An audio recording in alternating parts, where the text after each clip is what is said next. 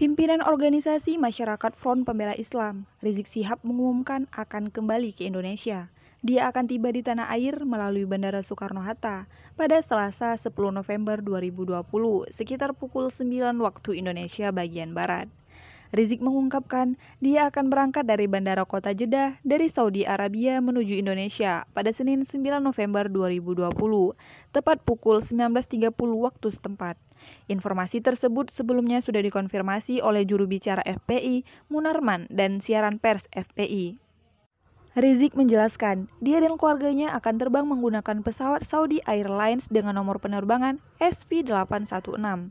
Menurut Rizik, rombongannya akan tiba di tanah air tepatnya di Terminal 3 Bandara Soekarno-Hatta pada Selasa pagi pukul 9 waktu Indonesia bagian Barat. Pimpinan FPI itu mengemukakan, Kepulangannya beserta rombongan akhirnya terrealisasi setelah mendapatkan kembali perpanjangan visa.